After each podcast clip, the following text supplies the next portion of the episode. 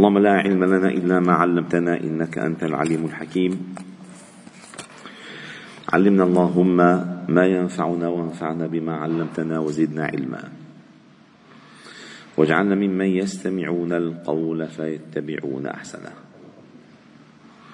وأدخلنا برحمتك في عبادك الصالحين. وبعد.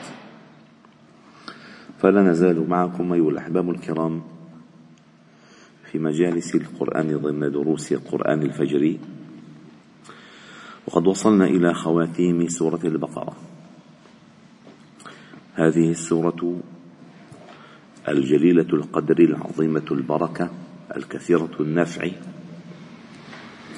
والتي ملئت علما وحكما وأحكاما من شريعة الإسلام هذه السورة التي كانت معيار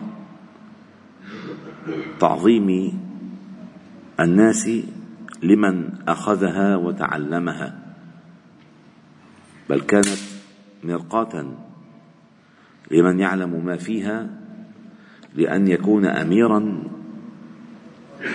أو يكون ذا شأن كبير أو حتى تكون هذه السورة مهرا لزواجه كما حصل مع بعض الصحابة.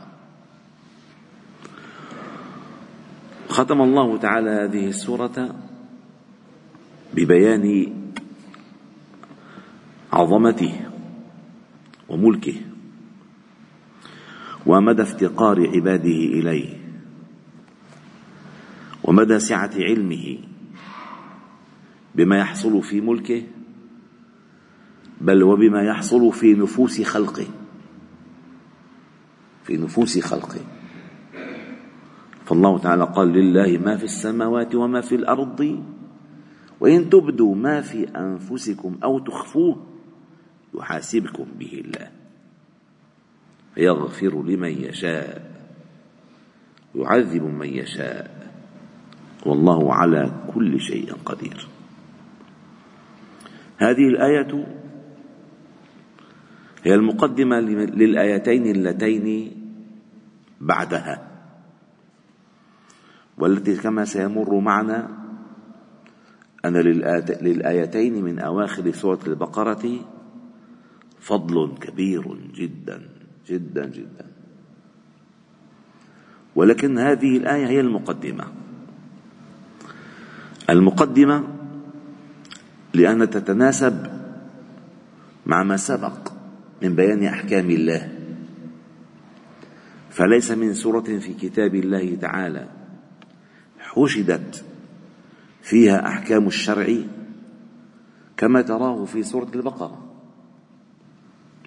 على الإطلاق. وختمت في قضايا الإنفاق والنفقه والكسب الطيب والكسب الخبيث والمداينات والتوثيق والرهان. كل هذا مع ما ختمه الله تعالى في آية قبلها وهي قوله فليؤدي الذي اؤتمن أمانته وليتق الله ربه ولا يبخس منه شيئا ولا تكتم الشهادة ومن يكتمها فإنه آثم قلبه. إن نسب الاسم إلى القلب لا إلى الشخص فإنه آثم قلبه. والله بما تعملون عليم لله ما في السماوات وما في الأرض. يعني هذا السياق يناسب الخاص في آيات النفقة والعام في كل آيات البقرة. فعندما تنتهي من هذه الجولة التي تعدادها ست وثمانون ومئتي ومئتا آية تأتي هذه الخاتمة بلفت هذا النظر أنه لله ما في السماوات وما في الأرض. لله ما في السماوات وما في الأرض. ثم تنتقل الآية إلى وإن تبدوا ما في أنفسكم أو تخفوه يحاسبكم به الله. وعندما نزلت هذه الآية أيها الأحباب الكرام كما ذكر أهل التفسير قال عن أبي هريرة رضي الله تعالى عنه لما نزلت على النبي صلى الله عليه وسلم لله ما في السماوات وما في الأرض وإن تبدوا ما في أنفسكم أو تخفوه يحاسبكم به الله فيغفر لمن يشاء ويعذب من يشاء والله على كل شيء قدير. قال اشتد ذلك على أصحاب النبي صلى الله عليه وسلم. فأتوا رسول الله صلى الله عليه وسلم. ثم بركوا على الركب. يعني أصابهم غم شديد. اشتد ذلك عليهم وأتوا إلى النبي صلى الله عليه وسلم وبركوا على الركب. يعني قعدوا جاثين. الجثو على الركبة. كيف مثلا الإنسان بعيد عنكم مثلا معه مرض بركبته؟ بالتحيات بالتحيات ما في يقعد بيرفع هيك هيك. إجوا قعدوا جثوا على الركب. ها؟ جثوا على الركب. قالوا يا رسول الله كلفنا من الأعمال ما نطيق الصلاة الصيام الجهاد الصدقة. وقد أنزلت عليك هذه الآية لا نطيقها. فقال النبي صلى الله عليه وسلم أتريدون أن تقولوا كما قال أهل الكتابين من قبلكم؟ سمعنا وعصينا. هذه الآية هي مفتاح الفهم. لأن جملة أحكام كبيرة تحتاج إلى التطبيق. فالمراد من تحريك النفس من الداخل أنه كلما أتى حكم من الله أن يقول الإنسان سمعنا وأطعنا.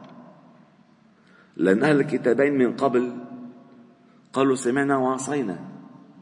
فنحن أمة سمعنا وأطعنا. وهؤلاء أمة سمعنا وعصينا. ونحن مع إقبالنا على أحكام الله ندعو الله تعالى بالمغفرة. غفرانك ربنا وإليك المصير. فقال أتريدون أن تقولوا كما قال أهل الكتابين من قبلكم.